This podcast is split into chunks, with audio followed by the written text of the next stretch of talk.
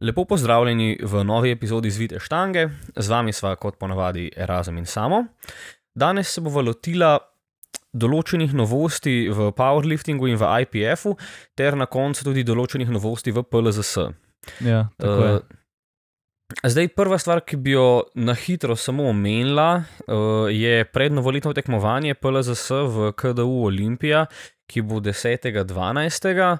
Uh, zdaj, uh, ker je še tako daleč, ni bilo še nobenih seznamov tekmovalcev in nič objavljeno, uh, tako da težko še kakšne napovedi delava, ampak uh, to, da veste, da uh, se bo zgodil. Ja, to bo zadnja tekma letos. Um, ponavadi je namenjena tistim, ki mogoče niso uspeli tekmovati na kakih drugih tekmah, ali pa je mogoče to za njih prva tekma letos, pa bi radi se preizkusili pred državnim prvenstvom. Zdaj, pa sem rekel prva tekma letos, mislil sem prva tekma nasploh. Ja, A, ja, če že pa, pač nisi tekmoval, bi se rad preizkusil na tekmovalnem modru. ja, ali pa za, za kakšne, ki recimo vem, po dolgem času spet prihajajo nazaj na sceno. Ne? Ja, ni nič kaj posebnega tu zdaj več za oment, uh, ker tako si ti umenil, prijave so še odprte. Uh, bolj je pomembno tudi to, da so prijave še odprte, pa da se lahko še prijavite. Ja, Zdaj, kar se tiče ostalih novosti, že dlje časa jaz tu le nakup nabiram vse stvari, ki so mogoče zgodile v powerlifting svetu, predvsem kar se tiče IPF-a, pa PLZS-a. Um, pa ker pač to ni zdaj nek tak šport, ko bi se nove stvari kar nekaj dnevno dogajale, razen če hočeš slediti pač vsej drami in, in tako dalje, se res ne nabere veliko stvari. In zdaj, Lih v zadnjih dveh, treh tednih je pa v bistvu bilo kar naenkrat toliko stvari, da imamo zdaj skoraj cel podcast, po mojem, sam teh nekih novih stvari, ko so se zgodile.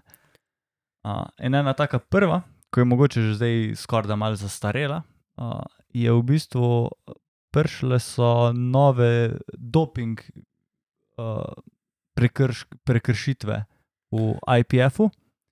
Uh, in ena izmed, uh, mislim, da petih ali nekaj takega, je bila tudi Ana Rosa Castellan, ko je eh, tisti, ki ste mogoče že malo dlje v športu, pa tudi tisti, ki niste, veste, da je to kar uh, odmevno ime, kar se tiče powerliftinga. Ana je uh, brazilska powerlifterka, je od leta 2018 v IPF Hall of Fameu, dvakrat je zmagala World Games, kar je pač najvišji naslov, kar lahko dobiš v powerliftingu trenutno. Dvakrat je bila uh, svetovna prvakinja v klasičnem powerliftingu, pa trikrat v powerliftingu z opremo, se pravi, uh, legendarna lifterka, tako rekoč. Jaz tudi vem, da ko sem jaz začel s tem športom, je bila že takrat mi zelo znana, pa ena od pač ljudi, ko sem se jih pač zgledoval po njim in uh, mi je kar mal šok, da sem to videl v bistvu. Ja zdaj tu, ko gledamo uh, malo njeno zgodovino tekmovanja, ona je začela na vrhu in ostala na vrhu tukaj. V, v Open Powerliftingu tekme, ko jih ima zabeležene, najnižje vrstitev je četrta, oziroma no, prva tekma, ko, ima- ko jo ima zabeležene, je bila diskvalificirana, ker je vse benče failala. V bistvu je imela samo en squat in en deadlift uspešen, tako To da. pri Equip niti ni toliko čudno sploh za prvo tekmo. A ja, sem res, to je bil equip. ja, ja, Pa v 56 kg, majka. ja, zdaj je v 2000. 76, mislim, da. Ali je Eh, bila v ne, v- 69? Uh, zadnje dve tekmi v 2021 je bila v 69, prej je bila pa dolg časa v 72. Ja, ja. Mm. ja, ta njen prekršek je bil o, zaznan v out of competition testu, se pravi, ko tekmovalca testira izven tekmovanja, kar je ponavadi malo bolj učinkovito, ravno zaradi tega, ker pač, če greš ti na tekmo, veš, da je zelo velika šansa, da boš tam testiran. Če te pa pridejo pač testirati izven tekmovanja, je pa veliko težje prikriti, kakšne substance, ko jih imaš. Um, zanimivo mi je pri njej, da ona je bila, po mojem, da, da je res velikrat testirana v njeni karieri in to je zdaj v bistvu prvič. Bi mi bilo zelo čudno, da bi ona tako pozno v karieri šla v bistvu na doping, če tako pomisliš. Ona je v bistvu zdaj že v narekovajih pred penzijo, ne je že preko svojega prima. Ja, v bistvu ona je. Kaj zdaj, zdaj je letos je bila ali pa bo stara 36, kar pomeni, da je v bistvu glih ne, nekaj mal po tem cajtu, recimo, ne vem, okoli 30, ki ljudje ponovadi pikajo v powerliftingu. Ne? Ja. Um, tako da mogoče je bil to povod, ne, da je v bistvu videla, da je začenjajo zadeve padati in pač mentalno ni mogla kopati s tem, zdaj sam uh, špekulacija. Ampak uh, ja, mislim, lahko da bi bil to razlog. Uh, Ampak ne vemo. Ne. Ja. Mislim, po Instagramu pa to so se tisti, ki poznajo, ful pritoževali, da je bilo to potaknjeno in ne vem kaj vse, da je bilo to na nekem testu, na neki tekmovanju, kjer je ona pomagala, da je bila testirana in da so kao najdli polu VC-ju to substanco, zakaj je ona padla. Padla je drugač za meta, um, Metan, metandineo, znaš ti to prebrati? metandienon, Ja, uh, anabolni androgeni steroid. Tako da ni, ni, precej huda zadeva. ja, ni bilo zdaj, da bi padla, zato ker bi neke, ne vem, kakšna napačna zdravila vzela. Ja, tu, kaj, tu ne moreš ti eh, reči, da si uh, pri workoutu zdaj, ko ni bil lik testiran. To so pač hude Ja. ja. stvari in zato je tu dobila štiri leta uh, Bena, kar je pač v takem primeru najvišja možna kazen. Pač to, to je bil Mhm. resen prekršek, ne, ne zdaj kar nek mali dodatek, ko ga ne bi smel imeti. Škoda, nimamo kaj. Ne. Ja, a no, m, skratka, ful se je nekaj špekuliralo, da je, oziroma so njeni podporniki ali pa kolegi govorili, da je bilo potaknjeno in tako naprej, ampak to se meni zdi malce iz rokava prevlečeno. Vsak, ko je že bil kdaj pri postopku, kako izgleda doping test, pa kako to poteka, tam res ni prostora za take neke manipulacije. Ne more se v tvojem urinu kar tek znajti ena taka substanca. Ne, razen če si Rusija, ki organiziraš olimpijske igre. Ja. ja, v bistvu, mogoče za koga, ko ne ve, tepko v bistvu, ko si testiran, mora biti, je so itak določeni pogoji, kako rabi to zgled. Prvo, rabi biti zaradi tebe tisto, ko je certificiran uh, uh, tester, kako bi rekel, pač od tvoje antidoping organizacije, ja. ki je pač pooblaščen za to, ima izobrazbo za to. Pa rabi zraven biti še nekdo, tretja oseba, neka nepristranska oseba, ki ponovadi en, ko pač zraven organizira tekmo. Uh, ali pa če je to pač out of competition teste, ko je bil tu, je verjetno še neka druga oseba od uh, te organizacije. In uh, pol, v bistvu, rabijo, rabiš ti dati ta svoj vzorec urina. In rabiš ti skozi met, v bistvu, ta vzorec urina. Tako da ne vem, kako bi lahko nekdo neki urin potaknil. Veš, kaj mislim, ker ti dobesedno imaš ta lonček, skozi ja. ga imaš ti, ne daš ga on mu uh, od doping organizacije. On sam preveri, pol, če ta urin ustreza, če ga je dovolj. Mislim, da mora biti tudi, ne sme biti preveč razrečen, se pravi, um, pa če bi ti sam full vode pil, se včasih z nas zgodi, da nima dovolj. Ne, Da, na pač ta refraktometer in pogleda not, in če Aha. ustreza, pa je good. Uh, in pol on sam prelije to v A pa B, jih da A pa B sample, jih da, jih ti v bistvu za, zasilaš in probaš, da res ne gre nič ven. In tisti cilj je tak, da ti, ko enkrat ucilaš, ga v bistvu uničiš. Se pravi, pač wa, enkrat lahko zapreš, če odpreš, si dobesedno zlomil tisto flaško in ni več. In ti, ko ti nekaj odkrijejo, ti nisi takoj pozitiven, ampak imaš v bistvu, si v bistvu obveščen, pa imaš pa ti še šanso se pritožiti in oni še B-sample, ko je na neki drugi lokaciji, odprejo, pa potestirajo in uh, če pač se res odkrije, da je z unim prvim samplom bilo nekaj narobe, nimaš nobenih stroškov s tem, da so B-sample odpirali in tako naprej. Se pravi, tukaj jaz res ne verjamem, da je šlo za nek foul play, sploh za en tak šport, kot je powerlifting. Največji tak škandal je, kot si ti rekel, Rusi na olimpijskih igrah, ampak tam se je šlo za ne vem, kakšne motivacije, pa zneske in tako naprej. Ne vem, zakaj bi za eno powerlifter, kako je čisto odkrito povedano, že preko njenega prima. Se šlo ne vem, kak, kakšne take stvari delati. ja, pač. Uh, jaz tudi osebno dvomim, da je bilo to podtaknjeno, zdaj tako pač cele zgodbe ne veš. Ne? Mislim, sploh, mi, mislim, sploh jaz ne, ko niti ne spremljam tako zelo podrobno teh scen. Ne? Um, Sem šanse so, ampak se mi zdi, da so mikroskopsko majhne. Pa tudi, ja, kot si rekel, ne vidim razloga, zakaj bi bila zdaj neka zarota proti njej, glede na to, da Mislim, se je še zmeraj pač e- elitna powerlifterka, ampak ja, kot sva rekla, pač je preko njenega prima. Uh, no, pa ne vem, ne poznam pa, da bi vedel, če ima kdo kakšne zamere do nje ali kaj. Ja. Um, pol ena druga novica.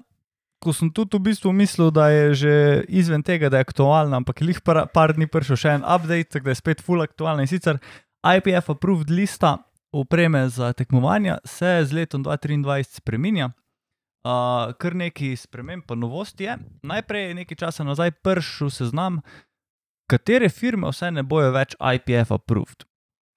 In sicer IR e equipment, reki, benči in tako naprej ne bojo več IPF approved.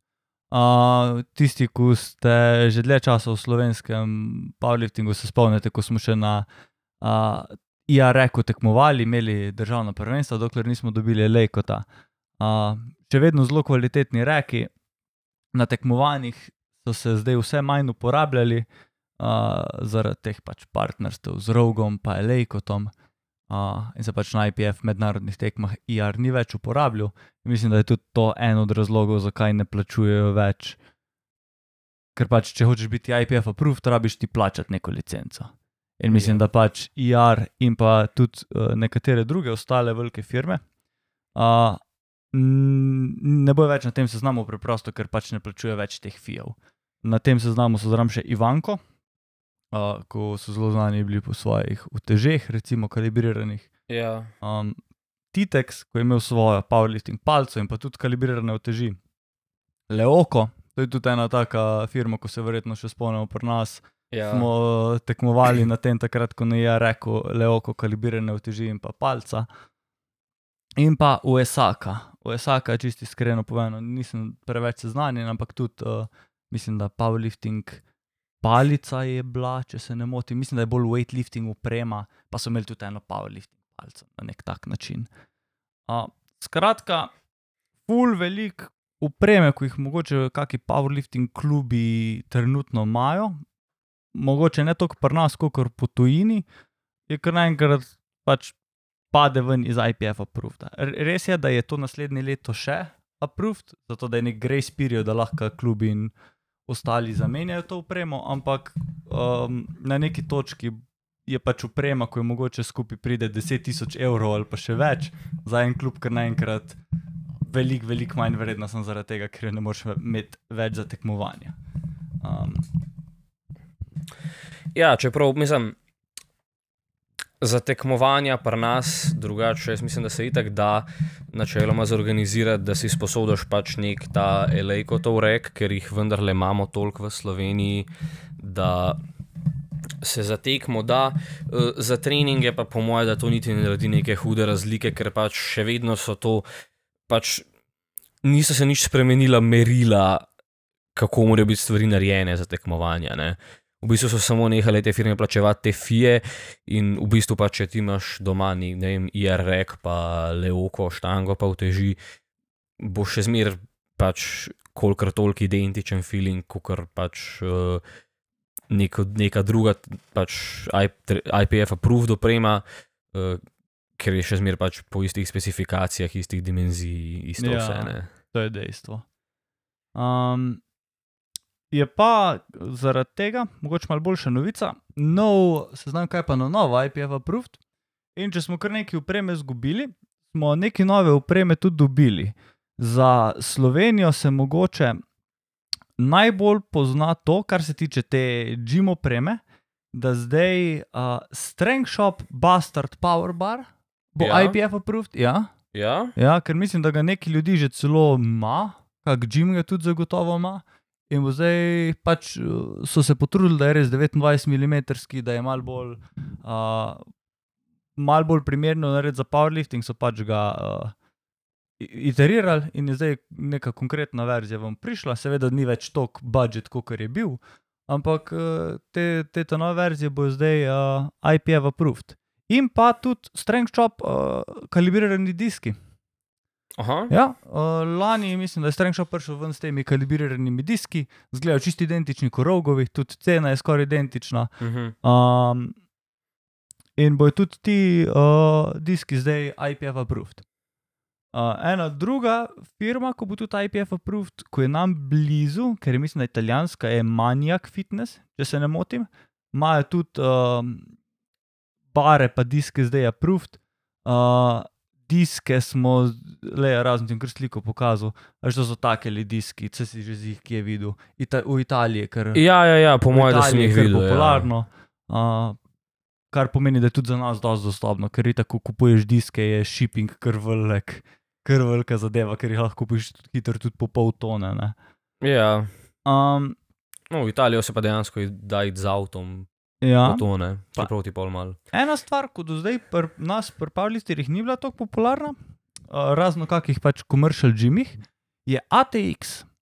ATX je zdaj prvič karkoli dal IPF aprovat. In sicer dal so ven ATX Rambar 2, ko je v bistvu kopija Rogue Power Bara. Ja. Zgleda mi identično, cena je čistista.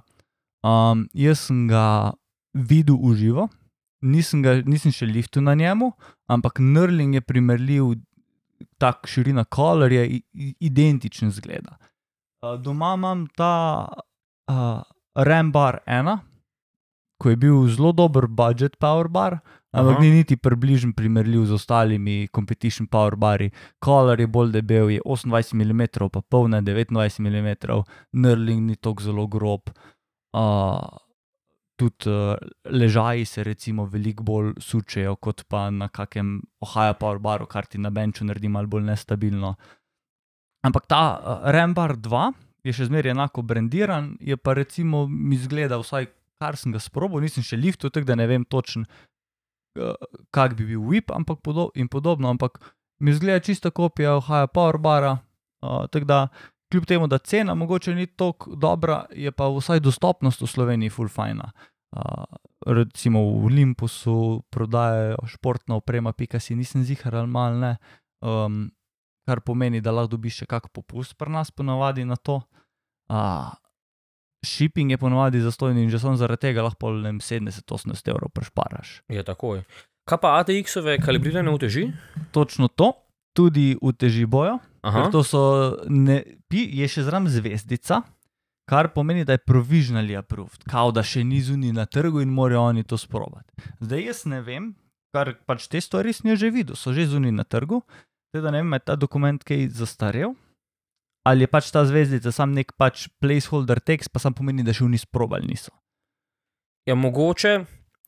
Uh, jaz vem za te ATX-ove uteži, um, kalibrirane, meni so nerealno lepe, ker imajo uh, v bistvu so krom, a ne ta rob je kromiran, uh, uh, se pravi ta face je pa pač pobarvan z ustrezno barvo, pač rdeča, modra, rumena, zelena in so full estetske, ampak um, lahko pa, da je IPF zahteval, da delajo take, da bojo, se pravi, te robovi, zunaj, zunanji robovi, ki so vidni, da, so, da bojo pobarvani z ustrezno barvo, zaradi tega, da bojo lahko sodniki videli na tekmah, ne, ko pač ne vem, če imaš ti 5-25 tam naloženih, pač vidiš samo krom, ne, ne vidiš uh, barve plate vmes. Ja, to mene tudi zanima, ker piše samo powerlifting bars and discs. Pa piše od spodaj, bolj pod, podrobno, piše ATX Rambar 2, ATX Power Bar. Eh, ATX je full notorious, potem da ima za isti izdelek 10 različnih verzij, oni imajo 100 različnih palc, še za powerlifting diske imajo 3 različne powerlifting competition diske. Ja. Eni so te, ko si ti rekel, s kromom, Ja? eni so cele s kromom, pa sam napis pobarvan Aha. ene so pa tako rogove, te. Se pravi, sam cele ja, pofarbe. ja. No, in tu od spodaj piše Re- Rambar 2, v tem, ko sem razlagal ATX Power Bar, ko nisem čist zihar, kater je lih, zato ker imajo toliko različnih. eh, Mislim, da je skoraj isti kot Rambar 2, samo da ima drug finish gor. Mislim, da je to edina Aha. Razlika, pa bre, pač glu, glu branding ima, kar se tega tiče. Pol piše ATX Competition Colors minus star, pa ATX Competition Colors. Se pravi, dvojne različne competition colors očitno imajo. Jaz nisem še nobenih videl, ne vem, še to ni zunaj ali jih sam še nisem videl, ampak očitno imajo dvojne različne competition colors. ATX Chrome Calibrated Steel Plates, Se pravi, očitno to, kjer si ti govoril, bojo dejansko IPF approved. Bojo In pa še zraven ATX calibrated plate, se pravi, te, ko so korogo. Mhm.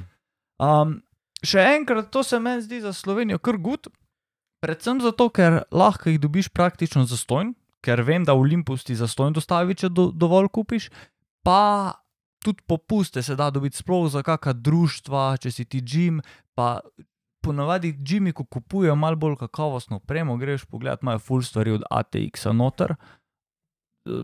Ponavadi, če je bil kak Jim, da je imel vsaj nek powerbar, je bil to ta ATX-ov nek powerbar, ponavadi malo cenejši, ampak ponavadi Jimmy kupujejo to, kar pomeni, da se zna zgoditi, imam fingers crossed, da bo kak slow Jim čist po nesreči dobil kaj dobrega powerliftinga od ATX-a, ali pa če že kak powerlifter tja hodi, da se bo vsaj lahko zmenil, hej, to mi kup, ker bo imel un dobrega dobavitla, ker če mu ti rečeš, hej, v droga kup, rogu jim ne bo dal ne popusta, ne free shippinga, nič in je teži enemu Jimovnerju reči, da mi kup mi rok palco, pa rok plate. Ja, mislim, to je res. Pa, ja, kot sem rekel, te ATX um, kromirani diski so res lepi. Ja. Tak, eh, če bo zveza kupovala nov set, bom jaz absolutno eh, glasoval za tega, ker je čist, dru- čist druga estetika. Je. Pa ATX komborek bo tudi IPF approved. Pravi, nov dejanski komborek. Cena je primerljiva, mislim, z rogom ali mogoče malce ne, pravi tam low, v nizke 3 ure, nekje 3 ure 250, Aha. nekaj takega ne bi prišel. Zgleda mi skoraj čista kopija rogovga. Ne vem, koliko je kakovost, nisem še na njemu delal, kar sem bral online, pa je ni tako dober kot rogov, ni pa slab. Mm, Jaz sem gledal, samo ne vem, če je bil to ta. Vem, sem skoraj dam roko v ogen, da, ima- da Adam Bishop, pač Strongman, da trenira na ATX-u, mu rekel.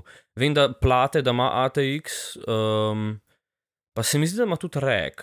Um, Stokam po Instagramu, kar pogledali. A, tule, kot gledam, ima neki Mirafit plate. Uh, Poma pa uh, starejše poste, preden ga je Mirafit sponzoriral. Aha, ja, zdaj ima že kar en čas očitno. Ja, zdaj je Mirafit zadnje cajt začel kar sponzorirati te eh, britanske strongmane, po mojem, moraš za kak leto, dve nazaj pogledati. no, okay, ali pa še pravi, več. N- Ker, vem, ker, ne, ker, pa, ker vem, to sem pa 100%, da sem pa pri njemu videl nekromirane plate, ki so mi bile tako všeč. Hmm. Um, Jaz, to pa ne bi bilo slabo imeti enega takega sponzorja za equipment, jaz bi tudi imel zastojn ja, kalibrirane plate. no, le, jaz mislim, mislim, da če, če prideva v top 5 na Deadlift World Championships, da bova dobila. Uh, e, veš kaj, zdaj sem že kar dal dol po scrollu, pa še zmeraj ni nič, da mislim, da bom odnehal. No, jaz se lahko pol pogledava, če. Ja, skratka, aha, evo, prišel sem tule do teh Ah, kromiranih no, plat. evo, evo, evo, evo. Uh, reka pa mislim, da nima, kot vidim, ima tule zmeraj en in isti cage. Mm, Pa dobro, le, pustimo. no, le. Glavnem, ja, za sprobat bi bil, pri nas je to problem, da po mojem, da recimo dobavitelj, konkretno jaz vem za Olympus, ne, ne vem, koliko ima to na zalogi, verjetno bi se lahko zmenil, sam bi verjetno bilo tudi tako, da bi mogel kar kupiti, veš. Oni imajo praviloma pač eksponatno sobo in jaz sem pač ta Rambar 2 lahko probo, ker ga je tam imel. In lahko ti tam sprobaš tudi stvari. Zdaj Aha. pa nima pa kar na zalogi powerlifting diskov pa teh stvari. Tako da, če bi ga imel na zalogi, en ta kombo rek, bi ga lahko tudi tja šel s probo, verjetno bi se lahko tudi zmenil, da ne vem, nek mini trening tam na njemu narediš, pa da vidiš, kako je. Uh, jaz zdaj, kar sem videl, ta ATX sklop imajo v enem celskem fitnessu, Aha. Pa je na začetku bila full dobra. Pač teh IPF dimenzij, gripala kostomater, res kakovostna, ampak potem pa šel čez par mesecev, spet v ta gim narediti, je pa imela full manj gripa. Se pravi, od začetka full dobra, ampak tudi očitno zelo hitro, da zgubi grip. Aha. Ja. Vse to je pač common problem pri vseh benčih, ne pač ja. Ja. ni to zdaj izjema, je skoraj bolj pravilo, ampak pri res kakovostnih, naprimer Rogov bench, Mhm. drži. Elejko velikrat drži. naš IR, ni, ni to pravilo za vse IR, imaš veliki IR, ko čez čas začne full drset, ampak naš IR, recimo, po vsem tem času še zmeri full lepo drži. Tako da, ja, ok. Zdaj pa mm. dovolj v tej, tako rekoč, boring upremi, ko se tri četrt ljudi nič ne tiče. Je par full, full um, zanimivih stvari pri osebni upremi, specifično, ko sem šel pod SBD gledati. Ja. SBD ima za 2023 provisionally approved SBD belts 2023. Kar pomeni, da bo drugo leto prišel nov SBD belt. A ni jih tako lani prišel nov. Vse v bistvu je to prvi, ko je zdaj prišel. Mislim, da je sam nek mali update bil, ker so barvo puščali ali nekaj takega. bilo. Ampak, Ja, pa vem, pa vem, da so imeli. Uh, ta stari so imeli zadaj vtisnjen v usnje SBD Apparel, zdaj imajo pa SBD Powerlifting ali pa SBD Strongman. ja, sem zato, ker so se rebrandali. Ja, Am- Ampak tukaj prav piše SVD belt 2023, kar pomeni, vsaj po mojem, da bo prišel nek nov, nov belt, da bo dejansko drug dizajn. Ker tak, takrat niso rabili IPF approva za ta, aha. za ta change, to meni pomeni, da bo dejansko nek nov model, pa so verjetno vam prišel. ja misliš, da bodo mogoče um, prong belti, da ne bojo te na le- lever. Ne vem, ampak kolikor jaz poznam SBD, sem prepričan, da če bo nekaj novega, bo nekaj takega, kar še ne obstaja. Ponavadi oni, ko so neki vendal, recimo, ko so oni dali ven te svoje prve slivse, dali ven slivse, ko pač prej še niso obstajali, pač nisi imel toliko močnih slivsov, da bi ti toliko suporta dal. A, ko je SBD pas ven prišel, je prišel ven prvi ta lever belt, ki je pač bil nastavljiv. In sem Ja. prepričan, da če bo oni nov pas vendal, pa da rabi approvement, da ne bo zdaj to sam nek kozmetik change, bo nek, po mojem, da nov sistem. Če bi rabo ugibati. No, to bo, to bo zanimivo za videti, mogoče lahko dobiva um, Matjaža ali pa Tadeja iz SBD Slovenija. Ja, mo Da- možno pa tudi, da bo nekaj full bednega, da bo ne vem, nek weightlifting ali pa hybrid belt ali pa kaj takega. Ali pa- so Ga, Ali pa ta isti belt 10 mm, ja, na mest 13. ja, možno, ker ponavadi tukaj ne piše točnega imena, kako bo, ampak sam 223 pa se pol po update. Ja. Naprimer, um, tudi imamo uh, novi wrist-rapi, bo prišel in piše SBD wrist-raps v 1.2.23, pa SBD wrist-raps v 2.2.23. Kar pomeni, da bodo dvojni različni wrist-rapi prišli na novo drug let. ja, in dvoji različni nislivi. Ja, pa SBD wrist-raps ustajajo gor, kar pomeni, da bojo ali iz nekega drugega materiala ali nek nov dizajn, zdaj koliko se da inovi, inovirati pri wrist-rapih, vprašanje, ampak ne, nekaj drugače mora priti, očitno dva različne, dve različni verziji. Pa to ne pomeni samo 30 centi, 60 centi, pa 90 centi varianta, ker tudi stari wrist-rapi so sam SBD wrist-raps, ne piše kakšne dolžine. Ja. Um, tako da zanimivo, me res zanima, kaj, kaj, bo, kaj bo tu vam prišlo. Mogoče kak nov, nov, nova varianta tam blupa ali kaj takega. Ja, le, mogoče, le bomo videli. Mogoče pa v ena pomeni, da so za veterani, ena pa v dva pomeni, da so samo za veterani, dva. Da, da so prilagojeni mogoče za, za osebe. Uh, Ja, da jih samo gor natakneš, pa jih se sami zategnejo. ja, ne, če imaš artritis ali kaj. Ja, enako slipsi v ena, pa v dva, ja. Da dobiš zraven nuno žlico, ko imajo penzionisti začeli obuvati zraven. Ja, um, kot smo že tudi omenili, ni slivsi 223 v 1 in v 2. Kar v bistvu, če mene vprašaš, verjetno direktno odgovor na te uh, ergo slivse od Inzerja. Aha. Poznaš te nove Inzerjeve, ni slivse, ko so kao full trdi, pa full stiv, pa jih je full težko gor dobiti in tako naprej. Si videl, ko so prišli ven. Mislim, da sem jih videl. Ja, pa to so, to so prvi inzerjevi slivi, ko niso uno, sam naravnost, prostrani odrezani, ampak so bolj telirani po kolenu. ne. Ja, Meni se zdi. ni, nisem jih še sprobil, Aha. pa je, da jih je zelo, zelo težko dol dobiti. Pa ful zanimivo je, recimo, od spodaj, ko so ponavadi zmeri zelo oprijeti z nogo slivsi, ja? je tam kar malo lufta, tako da zgleda, kot da so ti preveliki v bistvu. Ampak niso, sem tak stiv so, da v bistvu tukaj ne ustane z nogo, ampak se začne zvijati. Tako čudno, ampak baje, da je, um, baje, da je že kot ne kot rap, ampak neki med rapom pa ni slivom. Ja, če so spodaj širši, pol je to rabim, ko imam velika meča. Mm, Kolikor sem gledal, jih je zelo težko dobiti gor in pa tudi dol. In fol, ja, No, bomo videli. mislim, da je en že tudi zdaj na Štajerski Open imel, če se ne motim. A ja? Ja, mislim, da. Um, jih je imel uh, Jan. Um, no, in bom imel ta cajt, ko, ta cajt, ko jaz tole gledam. Uh, jaz mislim, da bo glede na to, da je SVD ponavadi inovator pri teh stvareh, tako je bil s temi prvimi mislivci, da je tako mal zaspal, je in za nekaj velikega, močnega zdaj vendal. In da, um, da jih zdaj SBD, po mojem, da z novimi modeli lovi, da hočejo ostati kompetitiv oziroma imeti nek advantage na marketu. Um, in ja, nisem nič najdel, kdo jih je imel na Štajersko Open, ne bom zdaj. Mislim, da jih je imel Jan Golop, nisem pa prepričan.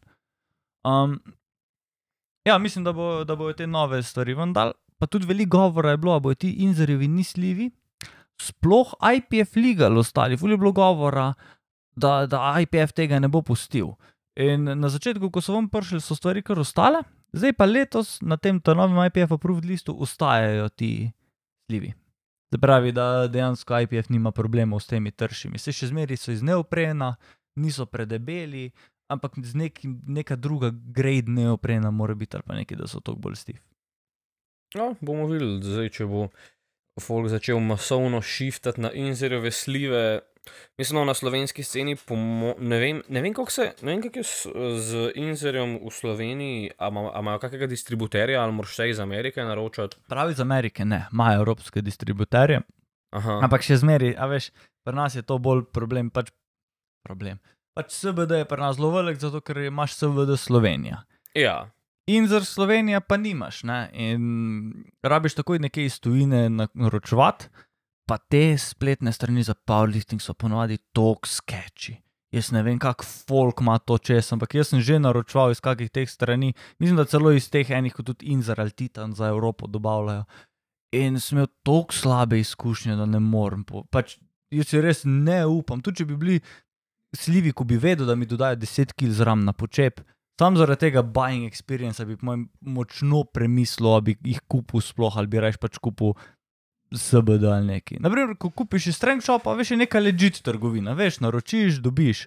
Tam pa prav vidiš, da nek meathead laufa tisto trgovino, ko ima pač veze v powerliftingu, pa nima pojma, kako dejansko laufati biznis. Jaz sem kupil, veš, kaj sem kupil. Ne bom zdaj govoril, trgovina je bila, sem zato, ker se ne spomnim na pamet, mislim, da je bila neka češka. Naročil sem za New Raps Roller. Ko je vam prišel nek nov, full poceni, meni je to Tony iz Hrvaške, single platila, idaj, poslal link. Je rekel, hej, tole so zdaj le priorderi, pa je malce nej, pa se full splača. Pa sem bil, ajde, dobro, kul, cool, se delam, jaz tudi včasih equipped. Uh, pa res pride prav ta Raps Roller, ker ti forarme ubije, ko repe rolaš. ja. In jaz naročim tisto, in kar ni bilo, plačam s kartico, uh, in kar ni prišlo, pa ni prišlo. Pa jaz tam pišem, oziroma najprej sem šel gledat, kdaj sem to sploh naročil, koliko sem plačal, in nisem gotovil, da nisem enega maila dobil.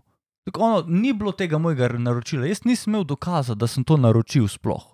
Tako da sem šel pol na banko gledat, kdaj je bila transakcija sprovedena, pa referenco in vse tako, in pišem unmu tipu, in mi čez dva tedna odgovori nazaj, ja, pošiljka, pošiljka je bila nazaj k nam poslana, zato ker uh, nisi dal pravega naslova.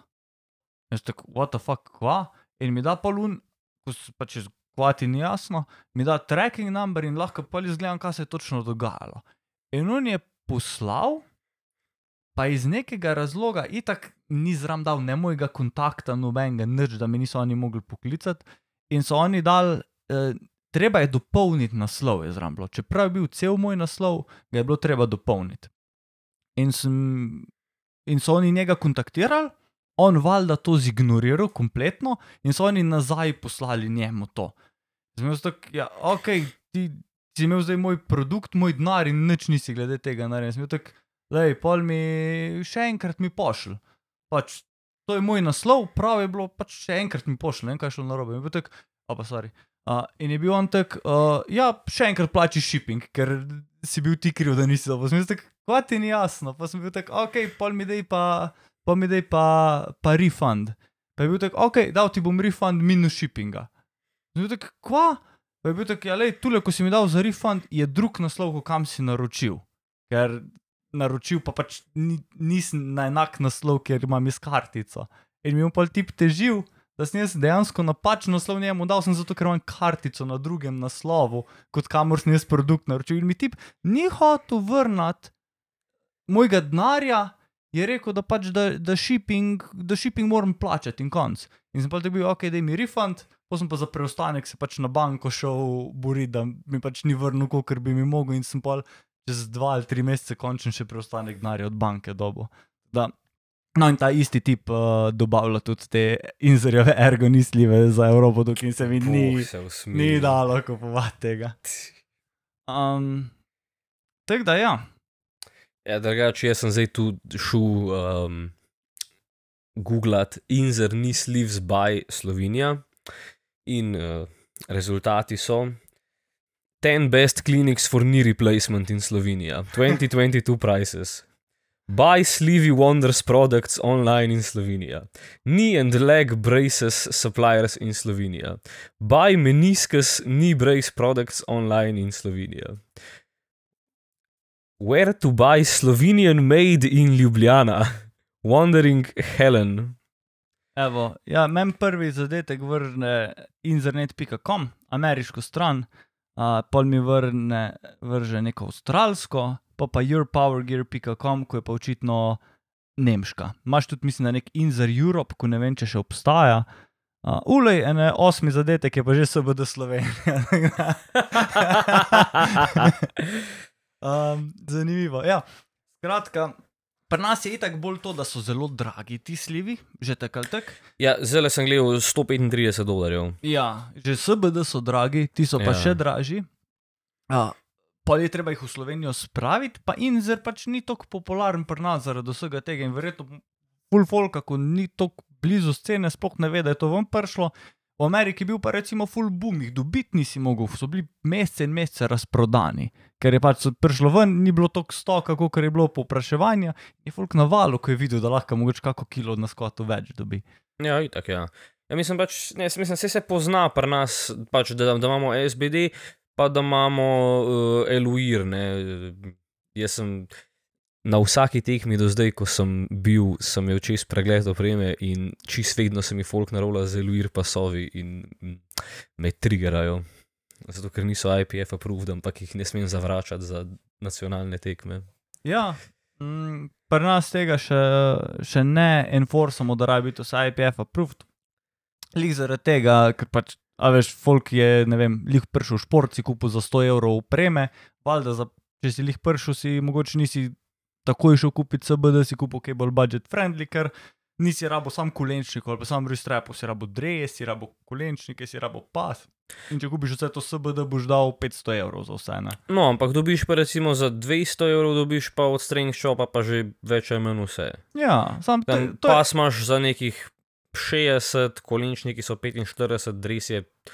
Mislim, da, mislim, da so na neki točki bili zelo znižani na tak 25, ja. tako ridikele sliči. Ampak to, to je mojem, da je prvo zato, ker Eluir je pri nas velik, ker je pač Ja, domača pa je. firma, dobiš v treh dneh, pušnina je čisto poceni, strength shop, rabiš pa spet že vedeti, zakaj se gre. Ne? Mislim, da je to spet pa velik folka, ve, da ne bo rabilo IPF approved. Če si novin, sploh še ne ciljaš na mednarodne tekme, najverjetneje. Če pa ciljaš na mednarodne, boš pa verjetno kupil malo bolj kakovostno kot pa strength shop. Um, ampak ja, le, zdaj pa si predstavljaj, da mi drug let kar rečemo, evo zdaj pa rabi biti vse IPF approved. In enemu začetniku, ko liza na Štajersko Open ali pa da gre na a, pred novoletno tekmo, si kupil cel set strength shop ali pa eluir- eh, eluire, ne strength shop, pa strength shop je tako approved. Ja. Uh, in da mu reče, že sorry, če hočeš iti pa aprila na državno, boš mogel vso novo opremo kupiti. A ja, pa good luck, če jo hočeš prodati, ker jo bodo tudi vsi ostali prodajali, ker noben ne bo več tega kupil. Sej, na neki točki verjetno bo treba, sam mislim, da trenutno ni ta prav čas za to. Ja, Ne no, glede na to, da se stvari pomikajo, vsaj z državnim prvenstvom, pač kar orang naprej zdaj s temi normami, o katerih bo pol govorila, se mi zdi, da bi no, v roku nekaj let lahko, tudi, lahko vsaj na državnem prvenstvu začeli počasi uvajati malo mal te pač. Ja, eh, morda, morda res korak nivo. samo za državno prvenstvo, pa mogoče da je vsaj eno leto phase outanja, da rečeš, hej, 2023, recimo, da na začetku leta eh, sprejmeš, pa najaviš, hej, od 2024 naprej na državnem bo pa rabilo biti vse IPF approved. Ja, ne, ker si mislim, v enem letu si pa vsak, si pa skoraj vsak lahko reasonably zrihta pač un pas pa uh, te zadeve. Ja, pa tako si rekel, že če gremo zvišovati nekakšne stvari, pa damo norme za državno, je mogoče tudi prav, da se zviša na tak način, da mora biti oprema approved. Ja, Ker zdaj na teh tekmah, ko gledaš, res je težko. Pač, če vidiš Eluir, pa da imajo Eluir, že itak vemo, da je po IPF specifikacijah, ker preveriš. Ampak on ti lahko pride s milijon nekimi različnimi brendi, ko ne veš, a je ali ni. Se je že dogajalo, da je pač tehnični kontrolor čist po pomoti spustil čez pas, ko ga ne bi smel spustiti. Uh, ali pa en je imel zdaj na Štarska opet neke čudne kolenčnike. Nisem se preveč obremenjeval s tem, ampak sem precej prepričan, da tisti kolenčniki niso bili ok. Uh, se pravi, poenostaviš delo, pa poenotiš ta playing field, ker pač tisti tehnični kontrolor, ko je tam, bi mogel imeti pol meter, pa šubler tam, da točno zmeri debelino pasu, da je Ja. enotna širina, pa pol ristrepe, pa vse in je pač nepraktično. Je. E pa tudi ti moraš tam pač obdelati, ne vem, tri, tri štiri flajte lifterjev, da, tam, da ti vsak pride, ne vem, z random pasom, random kolenčniki, random. Uh, v Ristrep si pa moraš ti tam vse odrolati, odpirati, mert, uh, je malo mal too much. Ja, uh, daj, mogoče edino, da še zaključimo tole temo z opremo, preden gremo na še kaj reči o normah. Um, Rogue Bench, sicer ni nikjer to napisano, tako da lahko sam vidimo iz objav, ampak Rogue Bench za tekme, na IPF tekmah, se je spremenil. Na Instagramu je bilo itak kar nekaj objav takrat, ko se je to prvič zgodilo v tem, ampak čisto uradno pa ni nič ven prišlo. In sicer Rogue je par let nazaj dal ta svoj competition IPF rek ven. In ena posebnost, oziroma velika razlika med ostalimi reki, je, da je imel praktično fat pad. Ja, to, mi, smo ga, mi smo ga dobili v Džimu, uh, relativno malo potem, ko je ven prišel. Um, in ja, je pač ta ped je kompletno drugačen. Jaz, recimo, ko mi bolj sede na fat pedu benčat, pač jaz sem se vlegel gor in instant naredil, ne vem, 5 rep PR na, sto, ne, mislim, da sem 100 kil, ne vem, pojka 14 ali 15 krat benčnu, ko sem prej jih ne vem, mogoče 9 krat. Ja, Tako, brez treninga. sicer po čist po vseh merah, še zmeri po IPF pravilih. Naprimer, un Thompson's fat pad, ko je, je še širši, da ima še več upore in tako naprej. Ta je bil vsem po IPF merah, ampak zelo tak fat. Um, in ja, je, če si znal izkoristiti ta bench, si lahko nekaj dobo. Zdaj imajo praviloma itak vsi enake pogoje, ampak pol, ko sem se jaz mal menil z Gastolom na Evropskem univerzitetnem, pogovarjal sem se pa čisto iz tega, jaz sem šel jamrati, v bistvu, da se mi ta rek ne zdi primeren za tekme, ne sicer zaradi fatpada. Mene ful moti tam, da je zelo neprijazen do spoterjev. Na vsaki tekmi, tudi na mednarodnih tekmah, ko imaš res izkušene spoterje, tam so bili pobi iz, eh, pa tudi punce iz lokalnega powerlifting kluba, se pravi pač izkušeni powerlifteri in so se tako mučili z nastavljanjem tega reka. Naprimer, Elejko, pa IR in podobni kvalitetni reki imajo noter les, da ti gajda, ko ti te pine nastavljaš v luknjo, naprimer, da daš v pet, bo lepo zdrsnil not in je to to. Rog ima noter votlo železo, ker je že itak prekleto težek, koliko je fucking težek. 235 km. To je enkrat težji, skoraj enkrat težji kot Elejko pa IR. Tok težje. No in ta pinč, ko ga ti noter devaš, ti zdrsne mal gor pa dol. In ga namesto, da ga ti sam noter daš v luknjo, cp, prestaviš višino, se ti kot spotter oziroma loader tam že tako cel dan delaš, nalagaš, predstavljaš, se pol še matreš, da to v luknjo lepo zadaneš. Pol, ko spremenjaš višino, so one ročke tako težke, da tebe fizično boli, ne samo da dviguješ re gor pa dol, ampak da že nastaviš to ročko do tja, ker je tako težka. Pol v pri IR-u je zelo enostavno gor pa dol prestaviti. Naprimer, dve luknje rabijo biti vmes, da lahko ti više dvigneš. Pri rogu se to zviša na tri ali štiri luknje, mislim, da na tri. Kar se v praksi ne zdi velik, ampak velikrat imaš ti na tekmi, en lifter ima 13, drug pa 15, pa pol, drug ima spet 13, pa 11. Za, za te dve se fulkrat predstavlja, ker pa če imaš ti 74 lifterje, bojo ponavadi vsi visoki tam od 1,60 m do 1,70 m. In se to ne predstavlja tok. Zmer je tam zelo redko, je za pul več kot za dve. Rogue ima pa lih to, da je za tri, da rabi biti tri luknje vmes. Kar pol pomeni, da rabiš ti dvakrat prestavljati te pine za eno nastavljanje višine in imaš tok dvojnega dela. Ja, sej, ko smo šli na Hrvaško državno spota lani, ti pa jaz, pa Toast, pa Urban, Jelšnik. pa Jelšnik, ja. Um, pač vse smo videli, smo se pač orang matrali s tistim rekom. Plus tudi za lifterja je v bistvu manj prijazen, ker, ker je širši, kar pomeni, da moraš biti bistveno bolj pazljiv, da ti sploh, sploh recimo pri benču, pa pri skvotu, ki unrekaš, rirekaš, da se ne zapneš kam, da se ne udaraš pri benču. Če mal po stran benčaš, boš, boš lahko zadev varovala, ali pa tako se je Ani zgodilo, ko je zapela v tež za pin. Ja. In je. Uh, Kokor je fajn, da je rek zelo masiven, recimo pri IPF reku se mi zdi, da je mal prelahek, ker uh, včasih recimo kdo, kako ima recimo pri počepu, kak bolj agresiven setup, pa to um, na tekmi sem jaz, me je bilo parkrat že skoraj strah, da bi ga kdo prevrnil. Ker ne vem, a se, a se tjaša vagaja, da se ful zabije spodaj pod palco ponavadi. Uh, Meni se zdi, pa še ene par ljudi.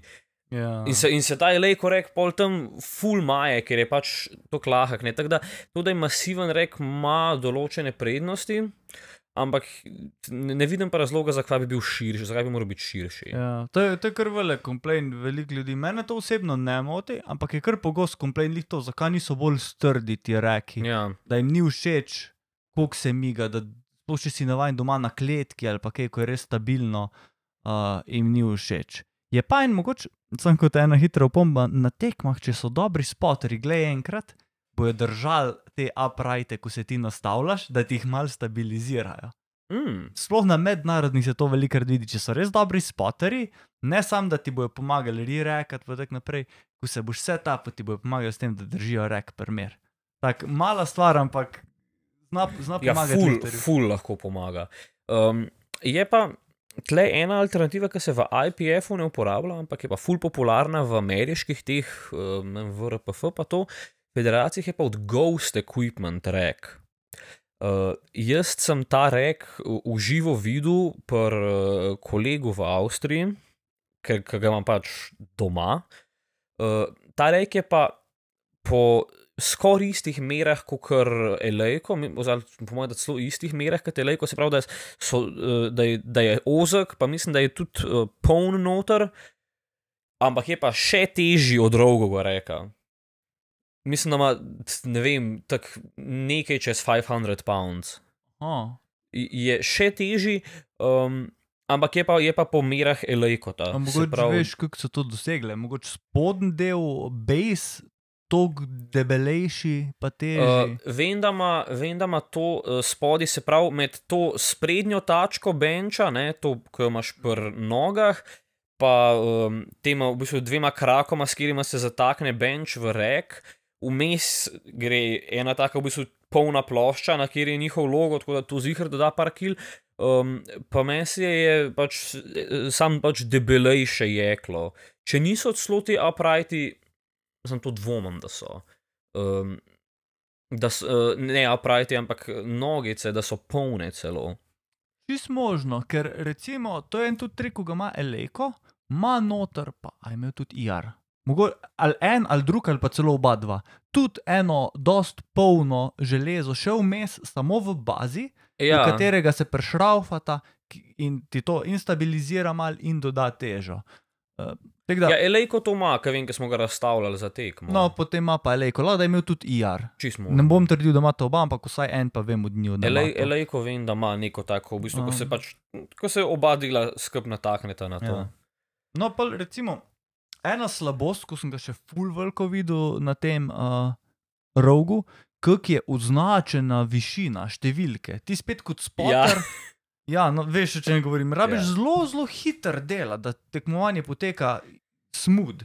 In oni ti res na nek način so naredili, da je kao mal drugač in so zadnji številke, namest na straneh. Ampak to je tako nepraktično, ker se je zgodilo, vsaj na začetku, ko smo mi spotali, kar naprej, da smo na eno narobe dali. Ja. In pol to še zraven to, da ko daš za eno narobe, da ne moreš lepo predstaviti, ampak da moraš dejansko dvakrat predstaviti en pinč od zgori, dvigniti un pinč, predstaviti dol. Pravi, imaš dvojno delo, zato ker si naredil napako, ker ni bilo fajn označeno. To sicer pol, ko ti že dva, tri flajte odspotaš, se mal bolj navadiš in je manj pogosta napaka, ampak IR pa LA, ko sta tako naredila, da se ne moreš zmotiti, preprosto pač ne gre, ne zmotiš se. Um, je še to zram, pol ena stvar, ko je še zram, je enako za safety na benču. Ne moreš vedeti, niso sploh označene luknje v bistvu. Tako da moraš ti kot spotter štet, na katero luknjo moraš dati, spet, ko ti par flightov od spotaš, se navadiš, ampak to se tudi zatika.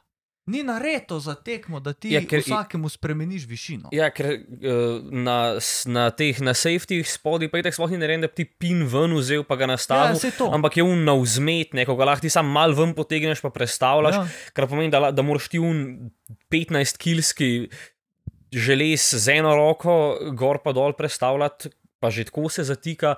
Plus, Za ročico, za ročico moš gor predstavljati. Pravi, na, na slabšem si več, ko- veliko več kot Ja. 15 kg ti v resnici dviguješ. plus še to, da so ti uprighti pridejo. Uh, pač niso ravni, ampak se, um, imajo pa se pravi tako mal uh, klan, mislim, klančka, poš, poševno gor grejo, uh, tam, kjer se stikajo z uprighti na reku, kar pomeni, da ti, če imaš na eni višini uh, varovala, ne moreš, uh, za kakšne lifterje, uh, skoraj da ne moreš dovolj nizko spustiti um, uh, teh uprightov. Meni se Ja. je imela, je imela Katja skoraj da probleme pri nas v Džimu na tem reku. Nuša ima te probleme. Aha. Nuša ne more imeti varoval nastavljenih tako, da jo varujejo, ker so tako narejeni, da dejansko ne more s svojimi kratkimi rokami, pa čiter arčom. Si naredi tako, da bi jo varovala, varovala. Ne, dejansko pač, če fejlajo palca, pina, obklop. Ja, Ja, je tako narejeno. pač kar je, mislim, nespremljiv design flow. Ja, mislim, zdaj si mogoče, a se imaš spoterje, ja, ok, ampak na equip pa to rade kar naenkrat problem, ko ti, če imaš robenča 180, ga imaš tam lahko tudi 280, pa tam ni tak fail, da boš padel na moči, ampak ti bo sam kar naenkrat ušla palca in sam pade. Ja, zdaj zdaj imajo pa dva spotarja, ker itak štiri je ful težko itak zagrabijo palco na benču, peti mora pa itak še prlaufat, pa ti jo iz vratu dvigovati iz sredine, ne ker se mora umakniti zaradi glavnega sodnika. Morata pa pol v bistvu praktično dva shendlat 280 kg dol z tebe, pri tem, da sta. Da mora ta zadeva praktično šragati dol z tebe. Ne? Ja. Sploh če imaš kak, kakega, ko ima dost velik arč, pa da nista spoterja glih 1,90 m visoka. Ne? Uh, pa to ni kar nek hipotetičen primer, ta Sonja Kruger, nemška uh, equipped lifterka. Letos, mislim, da poleti, enkrat se je na enem tekmovanju mednarodnem zgodilo, da je pač padla palca na njo, ker niso bila varovala v redu nastavljena, uh, spotri niso uspeli ujeti, ali na glavo, ali kam, pozabil sem točne detajle, ampak pač ni bilo kar tek, pač se dejansko to dogaja. Pri Ja. nas mogoče se ne zdi toliko verjetno, ker smo vsi bolj kot ne ralifterji, ampak na svetovni masi, ko ti delaš pač rek, ne samo za ralifting, ampak za IPF nasploh, pač take stvari si ne moreš prvošiti. Ja, Pa mm. tudi to, ja, ko si rekel, varovala, ko je tek na ta zatič z vzmetjo, kako težko je predstavljati gor pa dol. Pol še par malih stvari. Te noge, ko so ven, so tako, da ko je pet spoterjev na počepu na strani, ti zelo težko kot spoter stojiš, ja, tako da, lahko, da imaš dobro pozicijo. Ja, to, to tudi vem, ker smo uh, na Hrvaškem, ko je Škevin failov 287, pa pol, se mi zdi, Nekaj takega. Ja. ali 282, pa pol, sem si jaz skoraj hrbet ven vrgu, ko smo ga dvigovali. Ja, Ker pač, nisi mogel stati tam. ja, ker, ker, ker se ne moreš v dobro pozicijo dati kot spotter. Ja. Mm, Ja, skratka, kar se tiče za spotanje, je meni ta rek polomija. Ja. Zdaj za lifter je pri benču lahko ga kar lepo izkoristiš. Tako si ti rekel, Pač ped je super, ampak so pa te uprighti res Ja. annoying. Pač jaz sem, jaz sem čist en cajt, sem furat delal na tem uh, rogovemu reku, pa predvsem zato, ker mi, je- ker mi je bilo inconvenient v džimu, ker smo imeli uh, elejkota v sosednji sobi, kjer ni bilo v teži in sem si pa mogel v drugo sobo v teži nositi in pač hm, se mi ni dal, ne. In sem pa na rogovem delu, razen pač uno res za tekme, zdaj pa je Matjaš kupil pač še en ekstra set um, teh pač ta manjših uh, elejko plat, da so v drugi sobi. In zdaj, zdaj sem pa, pač dokler sem bil tam, zdaj sem tri dni v Alfa Džimu, um, ker je benzin drag.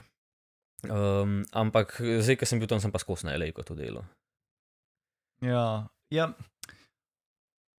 En problem je še zraven, na, ko si rekel, upright, hitro se not zatakneš in ima full lifterjev, enega na not, oba na not, na ven. In pol še kot spotter, če si na elejku to imel v flightu enega ali pa dva, ko sta imela na not, se tukaj skoraj vsak lifter nekaj spremeni. Eni sam enega na not, eni oba dva, eni levega, eni desnega. In imaš še s tem, kar naenkrat full dela. Ja, pa predvsem na benču, nekaj na benču je bilo unheard of, da bi imel folk uh, na noter uh, uprighte na elejko reku. Pač ponavadi so jih imeli na noter, uni neki super heavyweighti na squatu, ker pač so mogli najbolj narazen možno prijeti palco, ker pač niso imeli v ramenih dosti mobilnosti, da bi bolj skup prijeli. Uh, ja, zdaj, uh, zdaj pa, če moraš pa ti na benču to predstavljati, je pa to ogromno enega dela. Ja, In pa še ena ekstra stvar za gledati. prav slišite, razum se ni zmotil. Uprighti na, not, na benču. To se je dogajalo tam na Hrvaškem. Ja. To, to je pač praktično nezaslišano, ampak tisti, ki, vsi, ki niso imeli max gripa na benču, so imeli na benču na not varovala, ker so se zahakljali noter z utežmi, ali je spotter ven grdo dal, ali so sami ven grdo dal, v glavnem, na benču so imeli uprighte na noter. Jaz, jaz sem šel, jaz sem se spogledoval tam s sodnikom, a to sploh lahko, pa so bili taki, ja, itak da lahko, zakaj ne. To je bila katastrofa. Na mednarodnih tega še sicer nisem videl, ampak po mojem, če bi si pisal, bi ti mogli dati. Ne vem, zakaj ne, se ni proti pravilom. Je, da to je bilo pa drugače zanimivo pogledati prav v tehničnem pravilu. Jaz sem šel gledati, je, če, Je, je, ne je piše- dovoljeno. Ne pi, Mislim- ker to, da daš na not, ne piše posebej pod pravila za počep. No pač piše, da daš na not. Mislim, to je, to je, ne no, to je, to je smešno. Pač, ne vem. Po pa plus še to, um, ko kakšni manj izkušeni spoteri, to povem, da sem se, ker sem bil glaven sodnik v, na lanski prednovoletni tekmi, da sem se uh, krmal ubadal s tem spoteri. Um, ko puščajo ta drugi pin, un ko ne drži uprighta, ko ga puščajo noter, na elejku tu bistveno manjši problem kot na rogu. Ker na rogu so te pini ogromni, dost bolj ven štrlijo in je dost večja nevarnost, da se, da ti zapneš z težjo noter. In zdaj, da se lifter zapne z težjo v pin, ko ne bi smel biti tam, uh, pač jaz mislim, da lahko upravičeno zahteva ponovitev dviga. Ja, ja. Um, druga, druga je, ali ti ga bojo odobrili ali ne, ampak um, praviloma je to, na, spet ni nikjer v pravilih, da ne bi smel um pin biti not, ampak E, zdaj, ko gledam uh, tle slike, ko se vrtijo na uh, PLZS spletni strani, uh, ko je ta, uh, ko se vrtijo fotke, ko je jelšnik benča, mislim, da um, 190. Ja, 190 kil in so to drugi pini noter v reku. Zdaj, evo, predstavljaj si, da bi se, da bi, da bi se jelšnik zapel v tež tam noter, bi mu padlo 190 kil na glavo. Kdo je kriv? Ja. Mm. No, zdaj pa vsa ta razprava, zdaj, da smo prišli nazaj do tega Fatpada. Gaston, ko smo jaz pač jamro za te označbe, pa to, ker res tudi kot, gla, kot stranski sodnik nisem videl, je bil rek prav naštiman, smo pač to razlagali in za spotter in za sojenje, kako je slabo. Je on rekel, Ja, ful je začel jamrati, da ta fat pet for uh, fat Americans je začel govoriti na svoje bogastonovo. Uh, shitter bench, ne vem, kako se je tako govoril. Tako, ok, ok, cool, zgleda, da res se sekira. Pa, pa je pol res rekel, da bi že zdaj mogel biti drug bench na tej tekmi, ampak da je vstal nekje v nekem skladišču, da, bil, da je bil problem pred dostavi. In je pol res na Arnoldu, pa še na eni tekmi prej, ampak na Arnoldu je bil prva uno, ko je bil res velik boom, je bench bil tanjši, ni bil več ta fat pad. Aha. In uh, je bilo prvo pol stvari, da sploh ni ta prave IPF legal velikosti, en je tak sliko z metrom, kao, evo, le ni ta prave velikosti. Ampak je bilo tako, da nisi videl, a je prav meril ali ne, in pa je folk to zelo hitro dibanko je šel z metrom, ne, ne, le kaj se reš, čisto redo je. Teda, očitno pač je, so popravili, da je in dejansko IPF legal in da je všeč IPF komiteju. Uh, kaj pa tukaj meni smotano je, da je to rek, na kjer se bo tekmovalo, ampak ti ne moreš trenirati na tem reku. Pravi, to je rek, ko je samo na mednarodnih tekmah, oziroma bench, rog ga ne prodaja, noben ga nima in ne moreš trenirati na njemu sploh. Ja, no, pa plus to, da je Rogue ta Fatpad prodajal, kot da bo to novi competition bench. Eh, Evo, Matjaš ga je kupil, verjetno dal kar nekaj keša za to, in so se spomnili po kaj pol leta, enem letu, da uh, zdaj bodo dal pa drugačen pad gor. Ja, pa, pa jaz sem že zmeraj precej prepričan, da so pač oni naredili sam en tak bend za IPF, da so ga zamejali na svojem reku in ta potist rek zdaj tam in je to to. Pač ne vem, ne, neumno je. No, in ta uh, se je Nuša zdaj pozanimala, tudi zdaj na Evropskem prvenstvu bo ta bench. Aha, Ja, tako da dejansko, ker je pač rok zdaj pokrovitelj EPF-a, bojo vse te EPF tekme na rogu, uh, kar pomeni, da se pač splača na tem rogovem benču kaj potrenirati prej, če imaš cilje za kakšne mednarodne. Ne vem pa, kaj narediti glede tega fat pada, pač ne moreš prijeti tja in upaš, da je dosti podoben tvojemu jaru ali pa elejkotu ali pa čemorkoli si pač vajen. Ja, ne vem, kaj da bi sam prešraufal Elekotov pad na Rogue bench. za, za poskusiti. No, ja, moji, moji občutki glede tega rock benja nasploh so bolj negativni kot pozitivni, čeprav je, je pa tako, da ga imaš ti, da ga nimaš za tekme, da ga imaš samo v džimu za trenirati za sebe. Je po mojem čisto odličen bench, pač ima te luknje in lahko v teoriji daš gor nastavke, delaš z gumicami in tako naprej. Um, je zelo heavy duty, tako si ti rekel, uničil se ne bo v treh življenjih. Um, tudi bench mi zgleda zelo kvaliteten, zelo gripi, sam za tekmo se mi zdi pa katastrofa. Plus, mislim, da ima luknje za prešraufati celo, um, da se ga da v tla prešraufati, kar pomeni pač za nekega G-ownerja, ko ima nek, uh, ko bi rad imel pač ta rek na nekem designated placeu, pa da je pač verjetno bistveno bolj sturdy, ga komod pač prvijač v tla z nekimi unimi heavy duty šraufi, ne? kar je po moje kar vredno svojega denarja. Ja. Ok, uh, prej smo govorili nekaj malega o normah. In ja, uh, norme za državno prvenstvo so tu. Um, trenutno govorimo to o mehkih normah, kar pomeni v bistvu, da drugo leto, ko je državno prvenstvo, ti, če nimaš norme, boš še zmeraj lahko tekmoval. Saj zaenkrat. Um, pomeni pa to, da če si ti dosegel to normo, na katerem tekmovanju pod okvirjem PLZS, EPF ali pa IPF v roku dveh let pred tekmo, uh, se pravi od aprila 2021 dalje, to pomeni za naše državno prvenstvo. In če si ti dosegel to normo, uh, pomeni, da imaš prednost pri prijavi. Kar pač v grobem povedano je to, um, tekma je dva, dvodnevna, ker pač v Sloveniji trenutno zaradi oblike, kako se tekme organizirajo, ne moreš ti imeti tekmo več kot en vikend, zato ker bi si pol tekmovalci rabili vzeti dopust, da pridejo na državno. Organizatorji bi se rabili vzeti dopust, eh, dvorano bi rabil najet za en teden in tako dalje. Um, in je to v bistvu nekako uh, nekak namenjeno, da se rezervira mesta tistim, ko so najboljši v Sloveniji, pa ko bi imajo možnost dosegati norme za mednarodne tekmovanja, tudi če je full navalna tekmo in da se ne morejo na koncu vsi prijaviti. Uh, Kako ti gledaš na te norme? Ja, po eni strani se mi zdi zelo dobro, uh, pač, da se dviguje nivo pač, državnega prvenstva, um, da se da možnost v bistvu na državnem prvenstvu, ki je rang, viš, pač viš, tekma višjega ranga kot ostale uh, tekme, da se daje folku prednost s prijavo tistim, ki pač so se že dokazali, da so nekako vredni, v narekovajih. Um, tega se mi pa zdi, da so, pa te, da so te norme, za, glede na trenutno sceno, da so določene kot 90% norme za svetovno, Evropsko. za evropsko. Za evropsko. Uh, se mi pa zdi, da so malenkost visoke.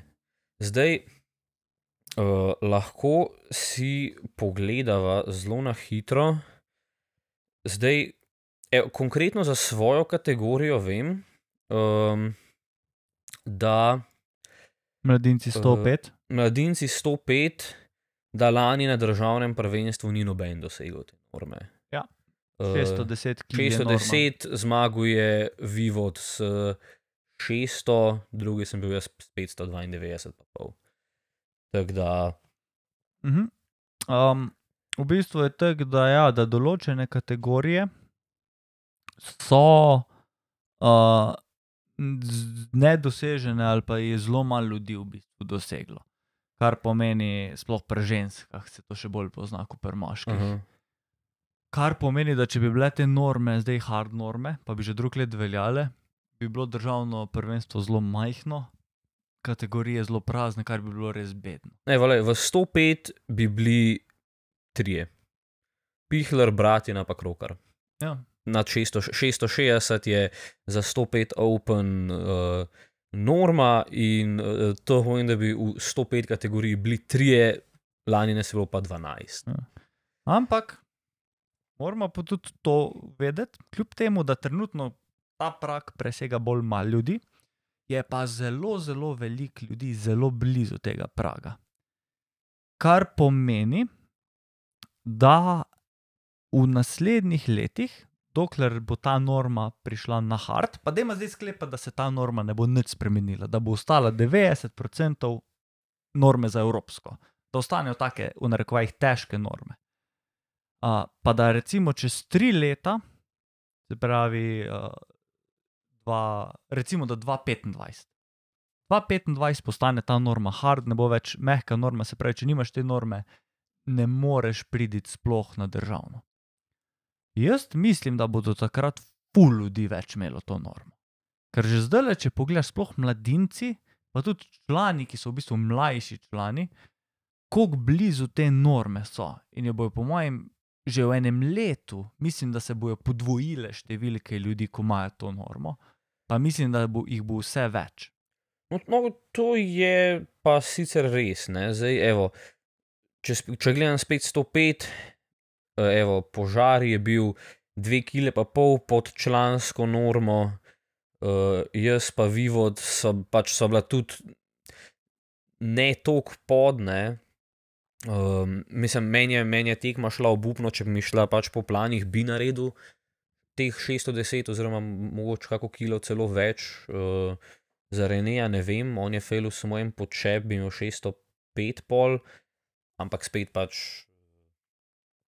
lahko bi tudi, ne vem, če bi vedel, da je norma, bi lahko še ne vem, mogoče 5 kg več na deadliftu stisnil ali pa kaj. Ampak ja, um, glede na to, da so soft norme, uh, pa recimo, da v par, let, v par letih ratajo hard, pa se mi zdi, da pa bo pa že nekaj folka jih doseglo. Ja. Ja. Pa se veš, kako je veliko ljudi ima cilje v powerlifting karieri, če si pač full davč od ne vem, mednarodnih norm, je bil pač cilj, ok, če imam zdaj 500 totala, bom pa na naslednji tekmi 520 totala imel. Pa ne vem, ta konkurent moj, ko bi ga rad premagal, imel zdaj 520, 525, da ok, mogoče če pridem do 530 do konca leta, da bom malo bolj konkurenčen. Zdaj pa, ko kar nekaj vidiš, da je norma, recimo, da tu govorimo o mladincu uh, 83, da vidiš, da je norma 552, pa bo pa ti kar nekaj, uh, zdaj pa rabim jaz dobiti 50 kil na total, nisem jaz tako dober, kot sem mislil, da sem. In to se je, po mojem, da tudi z velik ljudmi, ko so bili prej v narekovajih na vrhu države, so bili pač zato, ker so bile kategorije dosti nekonkurenčne, kao najboljši v svoji kategoriji, pa so si mogoče, če si upam biti mal drzen reči, da so mislili, da so boljši, kot pa dejansko so. Se mi zdi, da je bil tale norme zdaj kar mal reality šok za marsikega slovenskega lifterja, ker je pač ne pogledaš toliko ven iz svojih okvirjev. Pač gledaš to našo sceno, misliš, da je v naši tej sceni, pa jaz nisem tako slab. Pa pa že, ko pogledaš malo Italijo, Hrvaško, Avstrijo, vidiš, že tam vidiš, kak je nivo. Kaj šele, da greš malo dlje na mednarodne uh, scene. Se pravi, jaz mislim, da kljub temu, da je full folk trenutno pač je kar nek delež ljudi, ki jim pač te norme niso všeč, mislim, da je to pač mal tudi zaradi tega, ker je meni tako mal hard reality check. Uh, in jaz mislim, da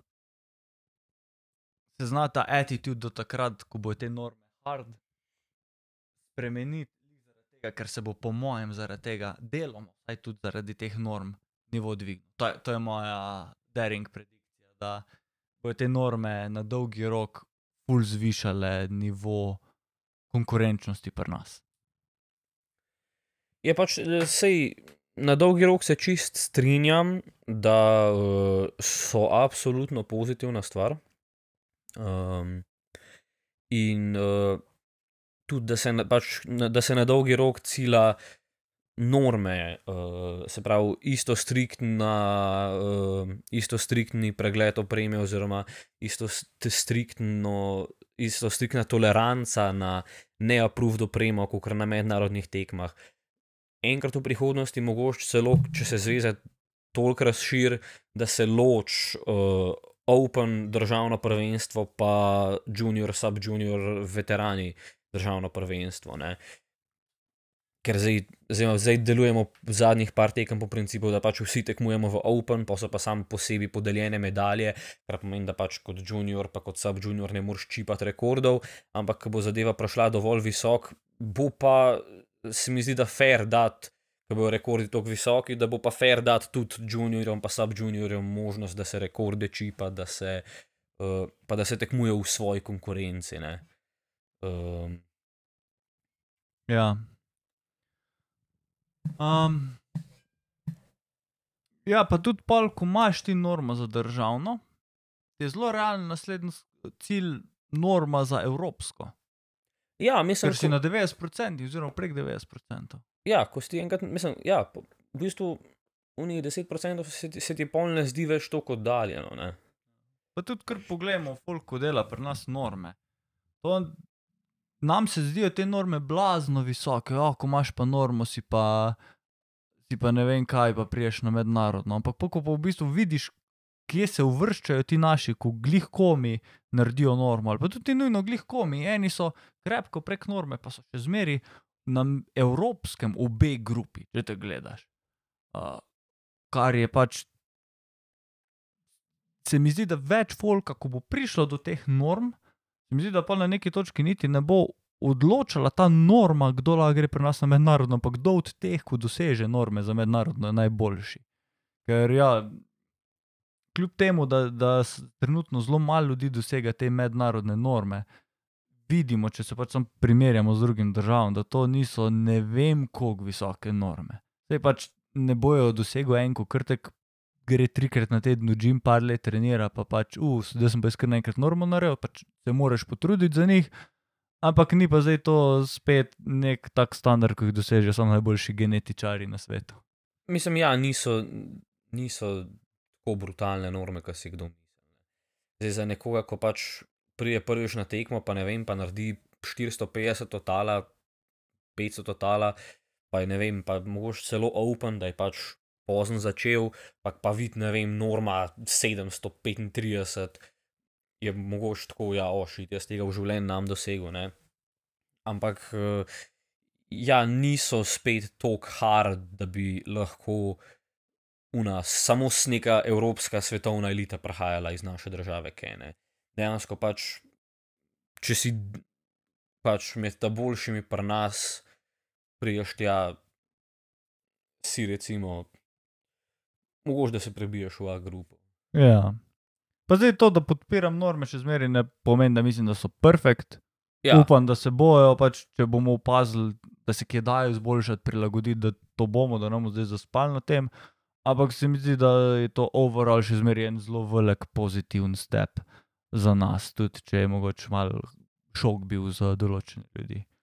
Um, ej, uh, če bi zaključila ta podcast, ga mogoče lahko zaključimo na eni mal bolj um, fresh noti.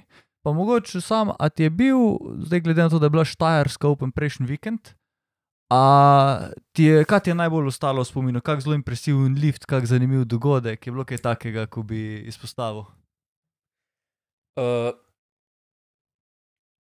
jaz sem v bistvu večino teh bolj impresivnih liftov, ki pa je, da so bili zamudu, ker sem uh, šel mal prej, nisem zadnjih skupin do konca gledal, ker pač je bila tekma tako do kaj enajstih, pa smo pa še, pa imel pa še skoraj dve ure z avtom do doma. Uh, definitivno tale Kaja, ko smo govorila, ne, ko je pač brutalna deadlifterka, je Kaja, ne? Ja, Ja. Um, uh, jaz sem videl njene deadlifte samo v bistvu tako od zadaj, iza platforme, ker sem medtem meril tam višino stojal folku, ampak pač že ta zadnji attempt je bil noro lahek. Uh, in pač ne, jaz, jaz mislim, pač, evo, upam si reči, da bo ona v dveh, treh letih se lahko borila za evropske pa svetovne rekorde v deadliftu. Ja um, Up, upam si reči. Meni se je sem gledal, da je ona kaj 225 naredila, pa ni bil grinder, niti slučajno. Uh, svetovni rekord v 84 plus, ne vem, svetovni ali evropski, mislim, da je 257, mhm, kar, okay. kar ni tako oddaljeno. ja. Ne vem, pač. Pa glede na to, da je v bistvu ona še čisti nubi v powerliftingu, ne, ja. Mislim, da. Ko smo špekulirali takrat na epizodi Štarska Open, se mi zdi, da vse, kar sem špekuliral, pol, ko sem poslušal za njo, se mi zelo, no, oh, ful, ful si dal prednosti posod. Ampak pol se je izkazalo, recimo, da na počepu je še več naredila, kot pa s njo. Ja. Ne, uh, je bil 185 počep. Je se mi zdi perfektno izbran. Mislim, da če bi dal dve kile pa pol gor, bi že bil bila zelo velika opcija, da fejla, ko že tam. Jaz sem sodel tisto. Že 185 je bilo na meji tega, da bi bil downward movement, tako da po mojem perfektno izbran attempt. Na benču, koliko je bil 75 ali koliko je naredila, tam nekje. Nekaj takega, Ja, zdi. Ja. Je bil luft, tako da tam še eh, fore. Deadlift, uh, ja, je bilo še neki. Um, jaz sem sicer tam modro, se- i- sam ne toliko zaradi moči, ampak uh, je bila v mojih očeh napaka, una tipična sumo napaka, veš, ko te na vrhu samo malo zamaje, pol nazaj dol. ja. A, na posnetku ni tako očitno, je opazno, ampak v živo tam, ko si gledal, je bilo zelo očitno, vsaj meni, sploh v primerjavi s prvim in drugim. Uh, se, čist moje subjektivno mnenje, to modra luč je največji bulšit na svetu. Če ti gre palca dol, medtem ko ti dviguješ, je dvig zaradi tega težji, ne lažji. Zakaj bi failil lift zaradi tega? Sam pač tako so pravila in uh, Ja. če, če nekaj vidim, moram dati to luč. Ja, se pol, jaz, jaz, ko sem bil pač za kulisi, je bilo pol kar nekaj govora o, o tem zadnjem deadliftu, pa o tej modri luči se je pol debatiral full med uh, sodniki, med folkom, pač kaj se je komu zdel, kdo bi kaj dal. Uh, pač jaz, tak, jaz, sem, jaz sem videl ta lift od zadaj, tako da nisem mogel prav dobro videti. Um, ampak ja. uh, Kaj, v čem je tekla beseda, kaj je folk mislil? Uh, ma generalno so se nagibali proti temu, da bi večina dala belo, uh, je bilo pa, ampak je, je bilo pa uno, da so pa razumeli reasoning, zakaj je pa bila modra. Ne? Se ponavadi, ko, se, ko si sodnik, pa se ne strinja s tabo, s kakšno odločitev, ti ponavadi noben ne bo nič povedal. Za hrbtom se bo kaj reklo, v Ja, ne, ti bo mar, redko kdo. Pač, Pa najverjetneje tudi zato, ne, ker deep down ponavadi veš, da ti sodnik je, če je neki dal, je verjetno neki videl, zelo redko, ja, da sodnik neki za brez veze. Ja, za, za deep down, se pravi za, za, za pomik palce navzdol med dvigom, dvomim, da dajo sodniki, pač, tak, da, ker bi se jim sam mal zdeli. Jaz, če kot sodnik dam pač eno lučko, ko ni bela, moram biti v tistem trenutku 100%, da je Ja. nekaj bilo, če sem v dvomih, ne bom dal. Se- mislim, če sem ja, v dvomih, pač gremo je- v favor Ja, lifterju. itak je pač pravilno to. Ne?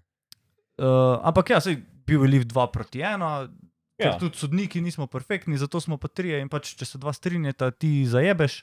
Uh, jaz očitno v tistem pač primeru, če se stranska sodnika nista strinjala, sem zajebil in pač ni bilo za modro.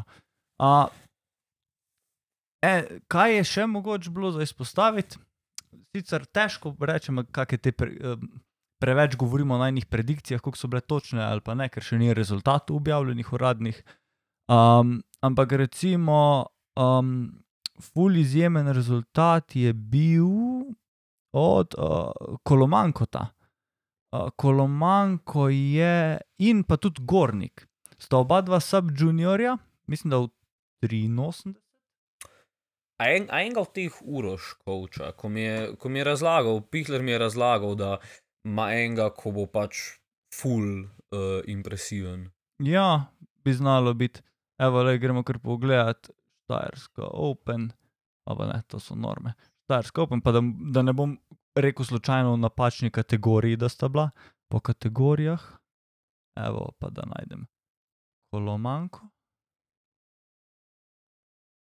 Hm, Člani 83. Ja, tukaj je bil Kolomanko Timotej, ko smo rekli, da bo verjetno Cumminghouse zmagal pa je Kolomanko razturu, pa tip je letnik 2004, subjunior, je absolutno krašil rekorde. Uh, pozabil sem točno cifre, koliko je naredil. A Ampak, ni, a ni, a je on ali je en drug 275 deadlift naredil? Ali 270? to, ki je bilo spet. Jaz, ko sem sodnik, tisto, kar sodim, bom full vedel, kdo je kaj naredil. Ko pa jaz kočam, pa, pa kaj drugega pomagam, se pa sploh ne morem Ja, ne, sej. že to, kar zdaj govorim, so stvari, ko sem jih izvedel. Evo, konkretno meni je s Karom sem se pogovarjal, pa mi je povedal, kakšne stvari so bile mogoče malo impresivne. Uh, in ja, za tega kolomanko ta vem, da je, da je full presenetil, pa Rene Gornik tudi mislim, da kar oba dva zelo uh, impresivna subjuniorja. Sem zdaj Gornik, kategoriji je bil pa Gornik. Uh, je pa 93, tudi 2004 letnik, pa mislim, da sta oba dva kar, kar nekaj rekordov državnih, pač kadetskih podrla. Um, tako da, ja, Štajerska Open, uh, zadnja, najbolj stvar, ko bo meni spo, ostalo v spominu, so bili doping testi v pol enih zjutraj, pa pol čakanje na podelitev. Pa se je tekmo v bistvu zavlekla tako pozno, pa sploh zaradi nobene neke napake, da bi pa zdaj tekma stala ali pa nekaj, sem pač trajal, je nenormalno dolgo. Pač ja, sej sem rekel, pač jaz sem moral preiti, nisem več držal, ker sem tako petih zjutraj sem vstal, um, doma ni bilo benga, sem mogel iti mačka na futrat. To me tako smešno je bilo, ker mi je uh, eden iz Storiuma mi je rekel za zadnje, za, se pravi za zadnje dve skupine, če bi spotov. In meni se je zdel tako smešno, debilen razlog, sorry, ne, moram iti dam mačko na futrat. Ampak pač je bilo res, ker ni bilo nobenega doma in je bila boga žival. Pač od petih zjutraj do pol ne vem, 20 čez 9 zvečer, pač sama doma brez hrane. Uh, ja, tako smešno. je preživel maček? Je. Okay. Uh, ja, mislim, da je to vse, kar imamo za današnjo epizodo Zvite štange. Ja, to bo to. Uh, hvala vsem, ki ste zdržali skozi celo dolgo epizodo, in pa se slišimo v naslednji. Ostanite močni.